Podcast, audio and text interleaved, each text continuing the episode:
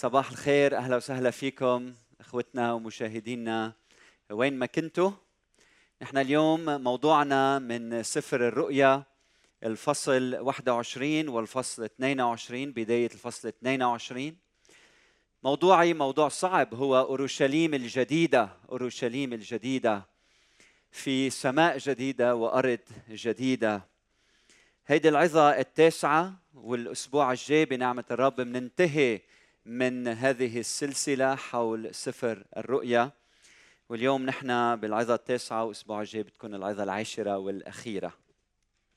افتحوا معي سفر الرؤيا الفصل 21 رح أقرأ الفصل ورح أقرأ كمان خمس أعداد أو ست أعداد من الفصل 22 فأرجو الانتباه القراءة طويلة فركزوا معي لحتى نقرأ عنا حوالي 33 عدد بدنا نقريهم مع بعض.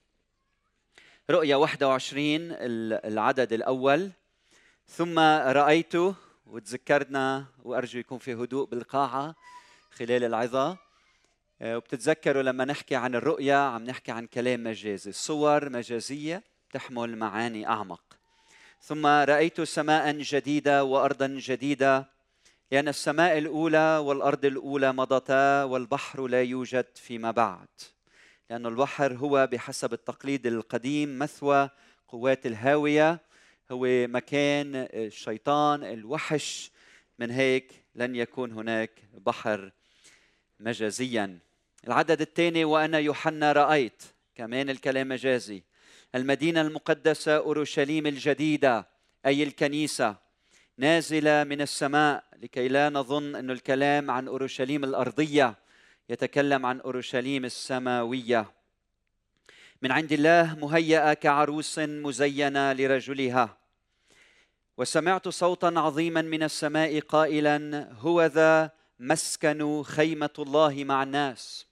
وهو سيسكن معهم وهم يكونون له شعوبا.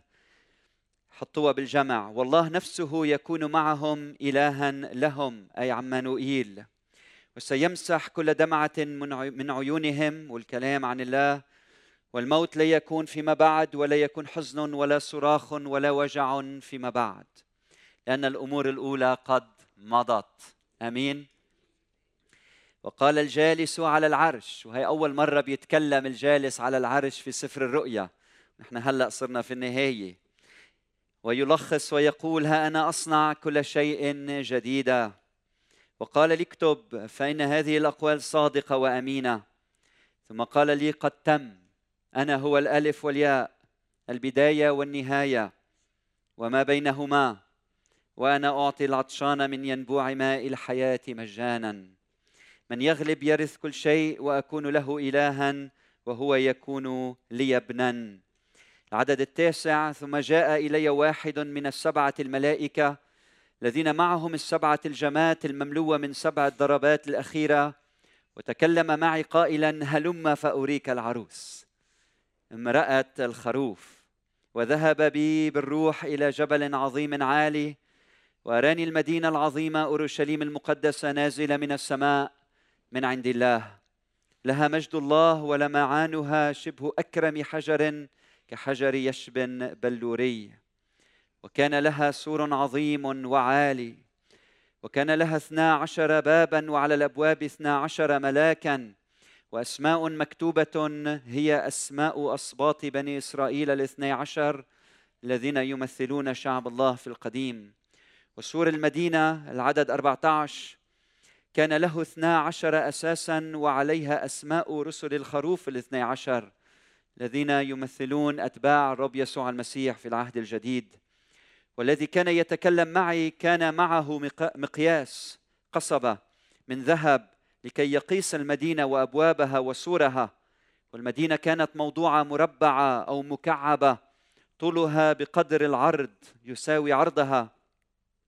فقاس المدينة بالقصبة مسافة اثني عشر ألف غلوة الطول والعرض والارتفاع متساوية.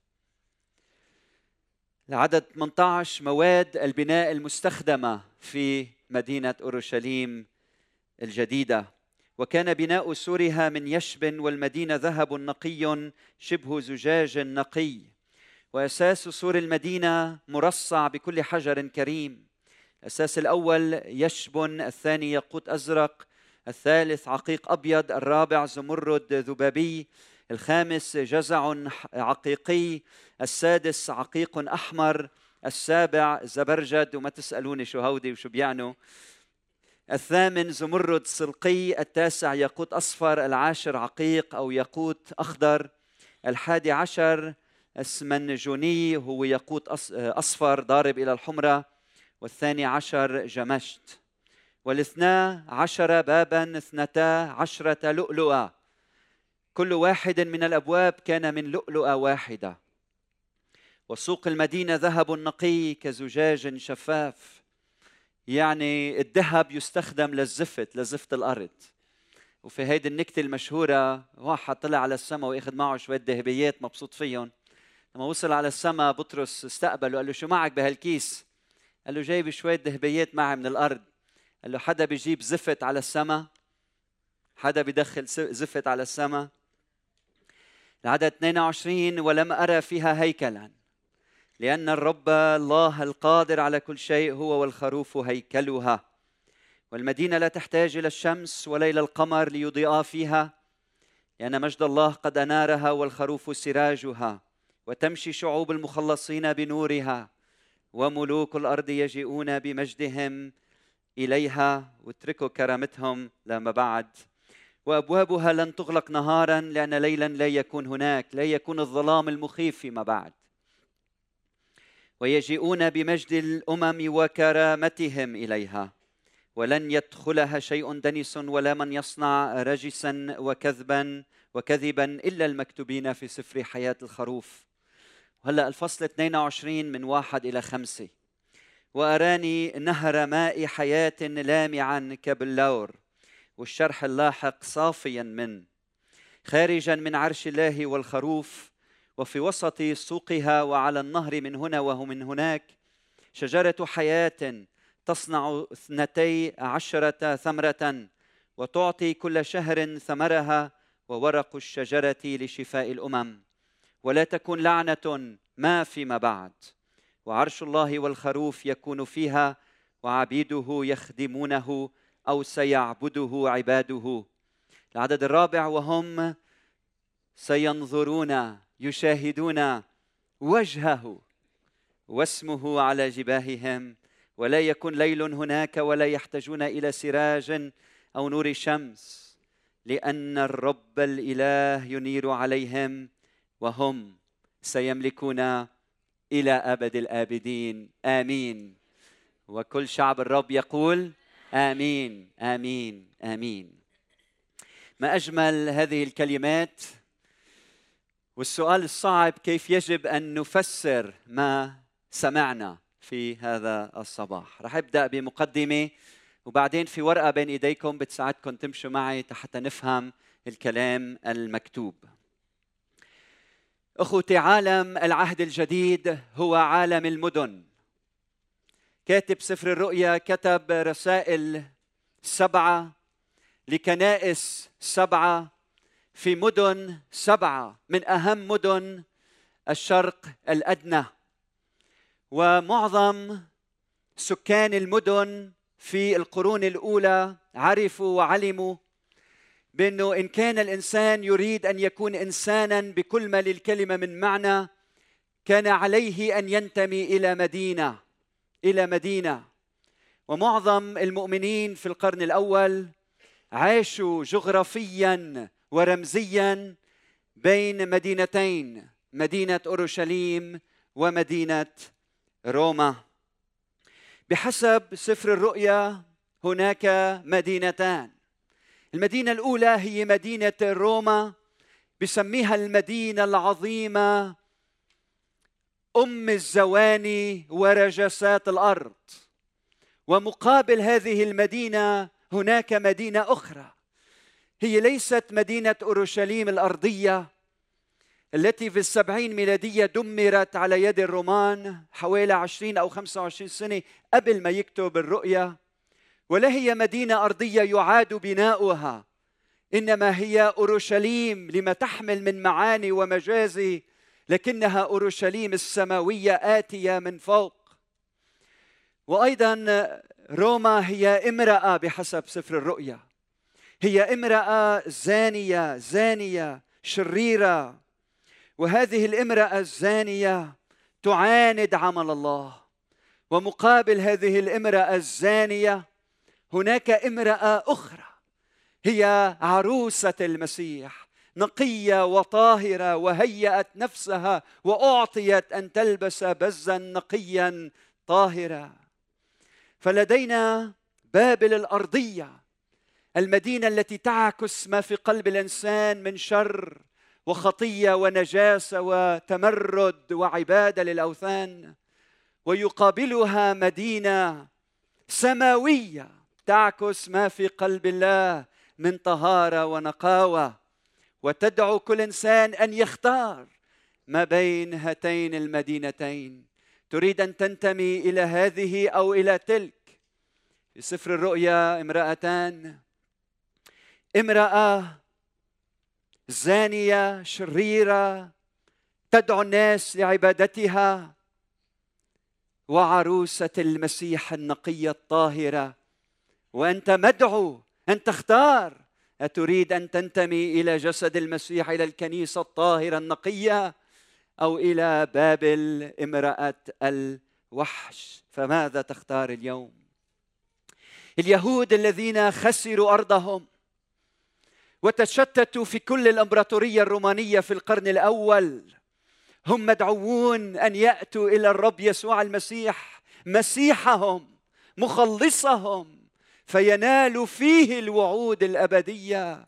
فيسوع هو أرض الموعد هو المدينة المنورة هو الهيكل المقدس هو الذبيحة الأزلية التي ذبحت على الصليب من أجلهم. واليهود الذين آمنوا بالمسيح ويتقون إلى مدينتهم التي خسروها بسبب اضطهاد اليهود عليهم واضطهاد الرومانيين. مطلوب منهم أن يبقوا أمناء إلى النهاية إلى أن يدخلوا إلى أورشليم لكن السماوية. وهذه أورشليم التي حبوها وأيضا خسروها يعلن لنا سفر الرؤيا إنه ما هي إلا ظل وقت أرضي لأورشليم السماوية الأبدية الإلهية يلي بسميها مدينة إلهي. والمؤمنون من خلفية أممية عليهم أن يتخلوا عن انتسابهم إلى مدينة روما وعبادتها ويحتاجون إلى بديل. بقول سفر الرؤيا اخرجوا من وسطهم يا شعبي رؤيا 18 أربعة. يحتاجون إلى مكان جديد يذهبون إليه ووعد الله لهم. لكم مدينة أعظم جدا من مدينة روما وكل المدن الأخرى. هي مدينة سماوية. ستأتي إلينا من فوق. عليهم أن ينفصلوا عن روما عن هذه المرأة الزانية ويتحدوا بالمسيح. فتكون الكنيسة عروسة المسيح النقية الطاهرة والمسيح عريسها. بول الرسول بولس هذا سر عظيم عندما تكلم عن الزواج ولكني أقول من نحو المسيح والكنيسة. لابد لبابل أي المدينة الأرضية الفاسدة أن تزول وكل ما يشبه بابل اليوم ويحل محلها المدينة السماوية أورشليم النازلة من فوق بحسب قلب الله. ونحن ككنيسة بلنا الرسول بولس فإن سيرتنا نحن هي في السماوات التي منها ننتظر مخلصا هو الرب يسوع المسيح. وسيرتنا سيرتنا بالأصل هي إن مواطنيتنا فنحن مواطنو السماء في انتظار أورشليم الجديدة. فيا من ليس له مدينة يسوع مدينتك ويا من ليس له وطن يسوع وطنك ويا من ليس له مكان يسند عليه رأسه على صدره تتكئ. على صدر من قاس السماوات بالشبر وإلى أبد الآبدين. هو حياتنا ورجاؤنا وخلاصنا ومدينتنا ورؤيتنا والآتي والحاضر والمستقبل. هو كل شيء. بالنسبة لنا له كل المجد إلى الأبد. وهلأ بحسب الرؤيا لهذه المدينة العظيمة ثلاثة خصائص. واكتبوا عندكم اولا هي مكان هي مكان. هيكم تفكروا إنه السماء والحياة الأبدية أورشليم النازلة من فوق إلينا السماء والأرض هي هيك في الجو رح نعيش هي مكان. ويصف هيدا المكان هلأ عم بحكي عن المكان النقطة الأولى بثلاث صفات بطريقة غير مباشرة ولازم تنتبهوا لهم بسفر الرؤيا. اولا هي جنة ألف هي جنة. هي العالم بكماله. هذا العالم الذي نجا من قبضة الشيطان ويعيش الإنسان متصالح مع الله ومع أخيه الإنسان. شوفوا شو الأدلة اللي عندي لأشير إنه المدينة هذه هي جنة. رؤيا 21 عشرة وذهب بي بالروح إلى جبل عظيم عالي وأراني المدينة المقدسة أورشليم المقدسة.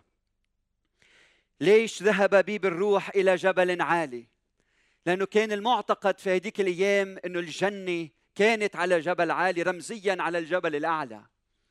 وصهيون تدعى يدعى الجبل الأعلى مع إنه هو جغرافيا منه الأعلى. لكن يعتبر الأعلى لأنه مجازيا هو الجنة المتجددة. هو الفردوس المفقود. وثانيا بيقول الكتاب إنه فيها نهر ماء نهر حياة نهر ماء حياة. كالجنة. تكوين اثنين عشرة وكان نهر يخرج من عدن ليسقي الجنة. فليش بقول فيها نهر؟ لحتى يذكرنا إنه هيدي بتشبه الفردوس بتشبه الجنة. وبعدين بقول إنه فيها شجرة الحياة. شجرة الحياة كما في الجنة يعني فيها طعام وماء للشرب يعني فيها استمرارية للحياة. ولكن الملفت إنه هيدا النهر خارج من عرش الله والخروف. يعني الله هو غذاء الله هو الذي يرويها. من يعطش فليأتي ومن يرد فليقبل ويأخذ ماء حياة مجانا. فما فيها أكل وشرب بمعنى بناكل تفاحة وليمونة؟ فيها خروف فيها يسوع فيها الله الذي منه نستمد الحياة ونستمر في هذه الحياة. بعدين ثلاثة يسميها هيدي أورشليم يقول عنها مرصعة بالحجارة الكريمة، لماذا يصفها بالحجارة الكريمة؟ بتعرفوا؟ أكيد عم يستخدم الأجمل والأروع وهي أكثر من هيك. لكن بشكل خاص لأنه اليهود كانوا يؤمنون أن الحجارة الكريمة أتت من الجنة، من الجنة. فإذا بتفتحوا معي حسقيال 28 13 مكتوب كنت في عدن جنة الله كل حجر كريم ستارتك. عقيق أحمر ويقوت أصفر وعقيق أبيض. وزبرجد وجزع ويشب ويقوت أزرق وبر وبهرمان وزمرد وذهب. كل هذه يلي شفناها بسفر الرؤيا. اللي عم بقول هيدي كلها جاية من وين؟ من الجنة. عم يوصفها بهالطريقة حتى يقلنا هيدا المكان هو هو الجنة. لكن من يتمعن بسفر الرؤيا يرى إنه هي أكثر من جنة. هيدا المكان هو أكثر من جنة. هي مدينة مقدسة. مدينة مقدسة. رؤيا 21 2 بقول وأنا يوحنا رأيت المدينة المقدسة أورشليم الجديدة نازلة من السماء من عند الله مهيئة كعروس مزينة لرجلها. مدينة مقدسة. يعني هي المكان يلي تلتقي السماء والأرض معا في مكان واحد. يعني مدينة يعني هنا الملك هنا مقر ملكه هنا يملك الملك يبسط ملكه. على الآخرين هنا يحل ملك الله الثيوقراطي الذي يجلب السلام الحقيقي والأمان بعكس ما ادعت الإمبراطورية الرومانية. أخوتي إذا بتتمعنوا بسفر الرؤيا العرش يلي لما انكشفت السماء قدام يوحنا بالفصل الرابع والخامس وين كان العرش؟ كان بالسماء. وهنا نرى إنه العرش هنا صار في هذه المدينة في هذه المدينة. ونهر المدينة الذي هو مصدر حياتها هو خارج من عرش الله والخروف. هنا مجد الله المدينة لا تحتاج إلى شمس ولا إلى قمر ليضيئا فيها لأن مجد الله قد أنارها والخروف سراجها. أخو تنتبهوا معي.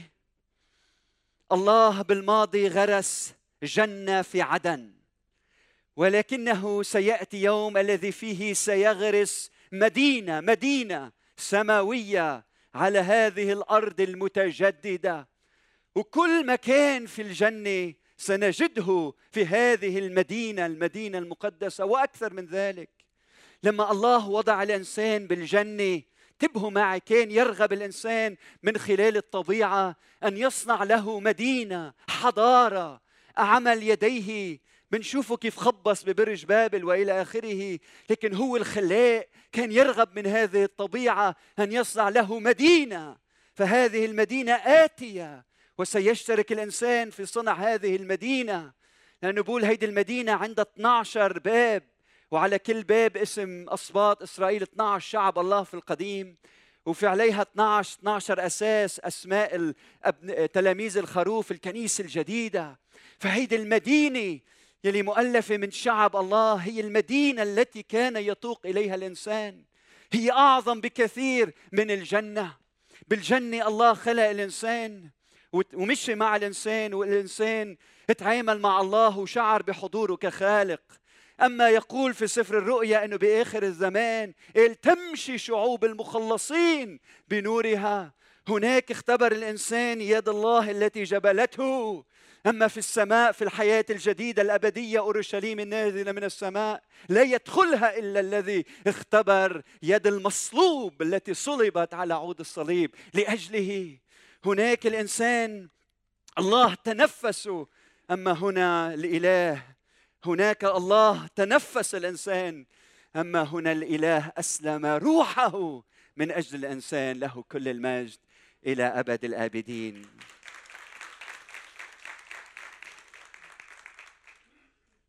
أخوتي الجنه جنين في حضن المدينة السماوية. الجنه طفل أما المدينة السماوية فتى كالارز طلعته كلبنان. المكان الذي نطوق إليه مكان عظيم جدا. هو الجنة المفقودة وأكثر من ذلك. هو المدينة المقدسة النازلة من السماء التي عرشها هو الله.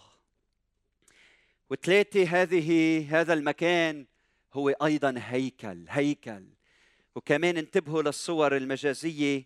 هي مكان حضور الله المباشر من دون وسطاء. رؤيا 21 22 يوجد صاعقة صاعقة للأمم يلي بفكروا أنه في معابد ولليهود الذين كانوا يتقون إلى بناء هيكل جديد متجدد في أورشليم. كانت هذه الكلمات صاعقة على هذا الشعب على المؤمنين وغير المؤمنين. لما قال بالروح وهنا يختلف الرجاء اليهودي عن الرجاء المسيحي.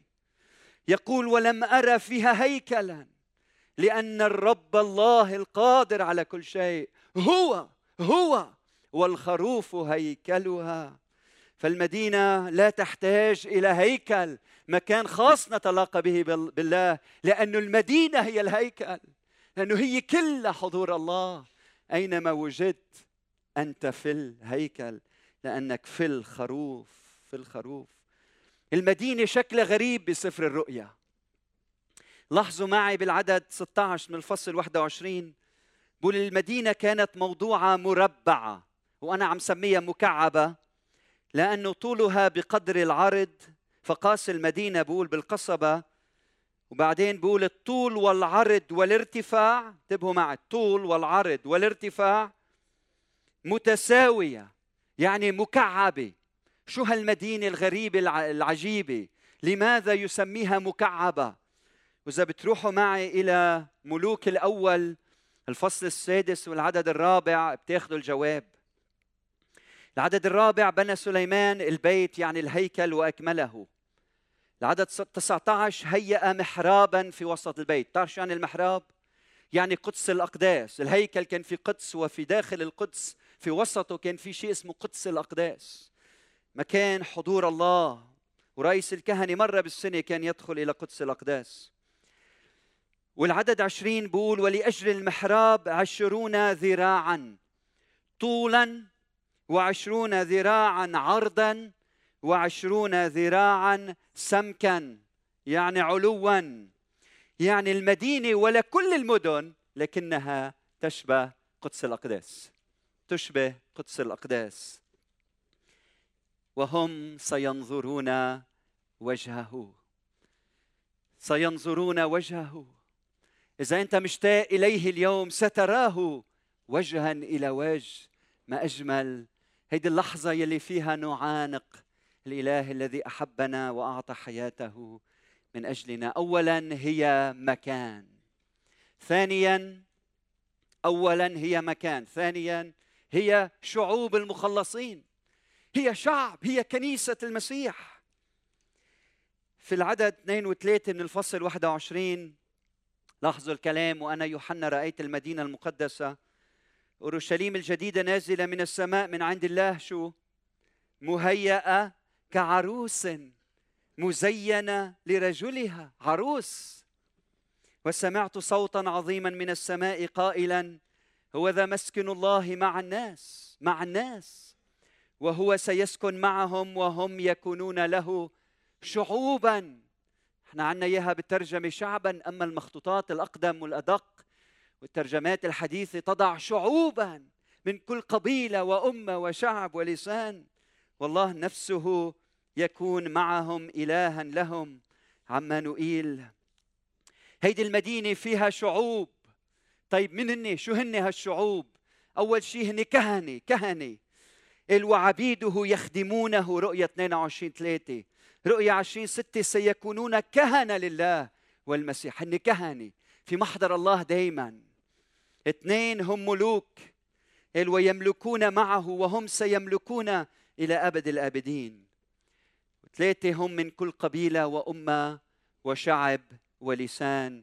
مثل ما بنشوف بكل سفر الرؤيا شوفوا شو بيعمل يوحنا كيف بيقتبس من حسقيال 47 لحتى يوصل هيدي الرسالة. فافتحوا معي حسقيال 47 12 الكلام بالنبوة عن النهر النابع من الهيكل.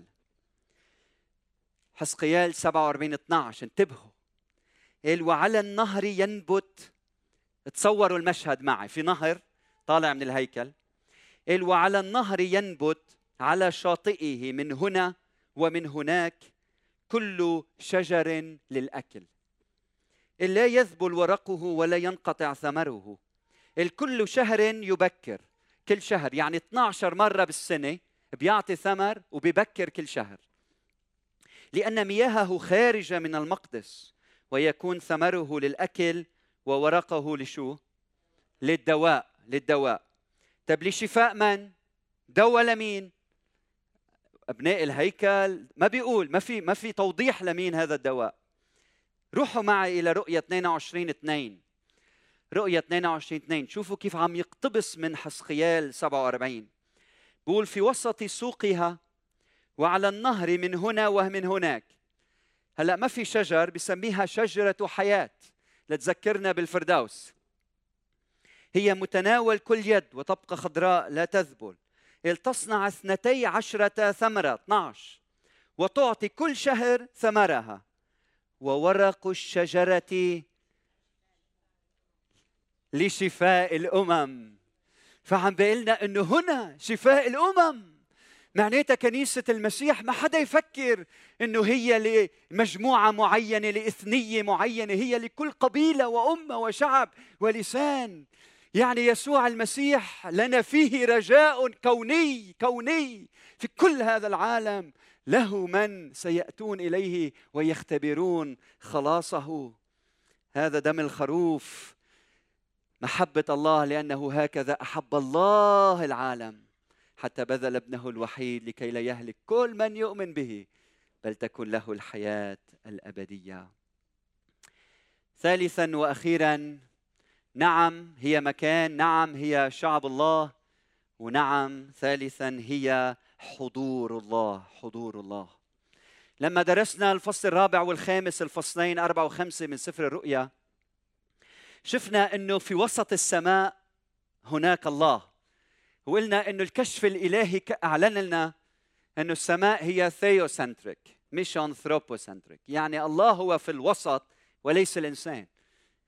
وجاي الوقت يلي فيه لما تجي هذه المدينة السماوية إلى أرضنا بيرجع كل شيء بيتحقق كما قصد الله من من أصل هذه الخليقة.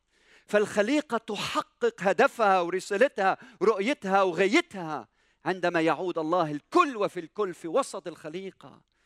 فإذا الله في وسط بيتك أنت عم بتحقق وعد الله. وسط حياتك محل أنانيتك بوسط شغلك بوسط كنيستك بوسط عالمك. هيك بيتحقق الهدف من هذه الخليقة. إن رأيت سماء جديدة وأرض جديدة. البعض بفكر إنه سماء جديدة وأرض جديدة يعني زوال هيدي الأرض والسماء بالكامل. بس الله خلقهم وهيدا أمر حسن. أفضل إنه نفهمهم. إنه نحن أمام نظام جديد عالم جديد بمعنى نظام جديد. لأنه لما الله يحضر في الوسط بحضور كامل يجدد وجه الأرض. ومنطلع ومنشوف نعم أرض جديدة سماء جديدة مجازيا لأنه الله حاضر في الوسط. وكل هذا النظام يزول ويأتي نظام إلهي بالكامل في أرضنا.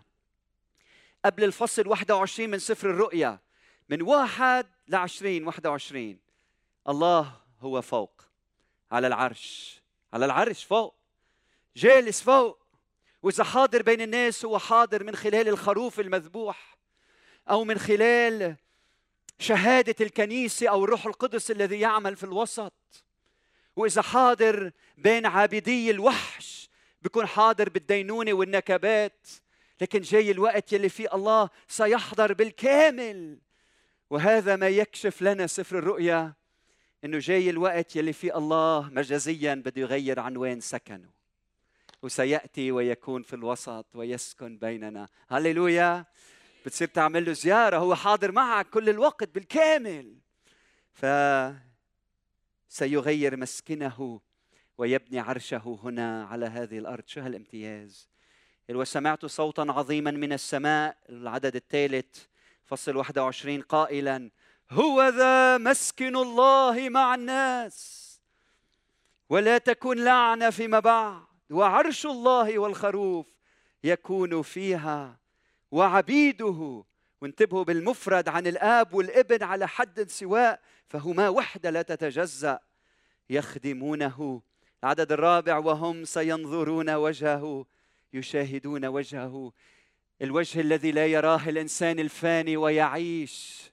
سيرون وجهه واسمه على جباههم ولا يكن ليل هناك ولا يحتاجون إلى سراج أو نور شمس لأن الرب الإله ينير عليهم وهم سيملكون إلى أبد الآبدين.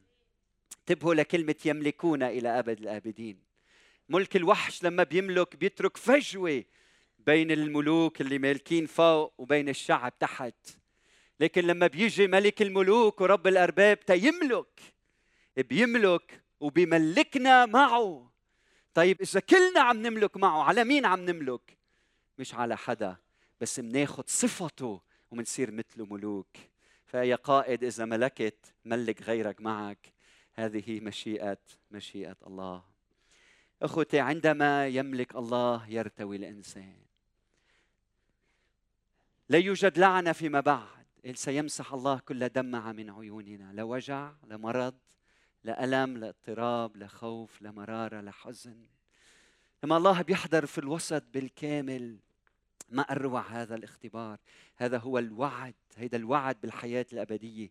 بدي أسألك في هذا الصباح هل أنت مستعد لهذا لذاك اليوم؟ هل أنت مستعد روحيا نفسيا جسديا للقائه مستعد شو بتعمل العروس قبل ما تتلاقى بعريسها شو بتعمل؟ تكون هيك ماشية آه بدنا نفوت نتكلل. شو بتعمل العروس؟ بتزين حالها بتحضر حالها. هل أنت عم بتزين حالك بثمر الروح؟ هل أنت عم بتزين حالك بالقداسة والطهارة؟ هل أنت عم بتزين حالك بالحب الإلهي؟ هل رح توصل لعنده في مرارة بقلبك يا عروسة المسيح؟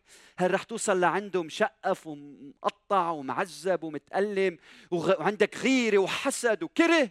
كيف رح توصل لعنده عندما تتلاقى به أيتها العروس؟ هل عم بتزيني حالك وتطهري حالك وتغسلي حالك؟ من الخطية لحتى تكوني نقية وطاهرة أمامه. وإذا شخص بيناتنا بعد ما تعرف على الرب يسوع المسيح إذا بعدك منتسب للمرأة الزانية إذا بعدك منتسب للمدينة الأرضية بنجاستها أو شرها إلى متى؟ عم تسمع صوت الرب عم بدق على باب قلبك. افتح له. شو لازم تعمل؟ حط ثقتك فيه. توب وغير اتجاه حياتك. وخذ قرار إنك تتبع الخروف تتبع العريس تتبع الرب يسوع المسيح. هو رجائك هو خلاصك. ما أجمل الذي أعد الله للذين يحبونه. الهانذا أمضي لأعد لكم مكان ومتى مضيت وأعددت لكم مكان آتي أيضا وأخذكم إلي حتى حيثما أكون أنا تكونون أنتم أيضا معي في بيت أبي. منازل كثيرة. هل عم بتحضر حالك لذلك اليوم؟ هل عم تحضر قلبك الوقت قريب الوقت مقصر؟ هل يأتي كلص في الليل سفر الرؤيا هيدي رسالته؟ استعد اليوم استعد اليوم. أرجوك ما توقف قدامه وما تكون جاهز. أرجوك يا عروسة المسيح عيش بقداسة وطهارة خدوم الرب من كل قلبك. الوقت بيقطع بسرعة. الخطية اللي بنعملها ما فينا نرجع لورا ما فينا نغير الزمن. الوقت ثمين جدا. أرجوك استفيد من الوقت. تقطع ثانية ومنصير كبار ومسنين ويمكن أنت كبير بالعمر وبتندم على السنين اللي أكلها الجراد. ما فيك تعمل شيء. لكن هلأ الوقت عندما نسمع صوته إلا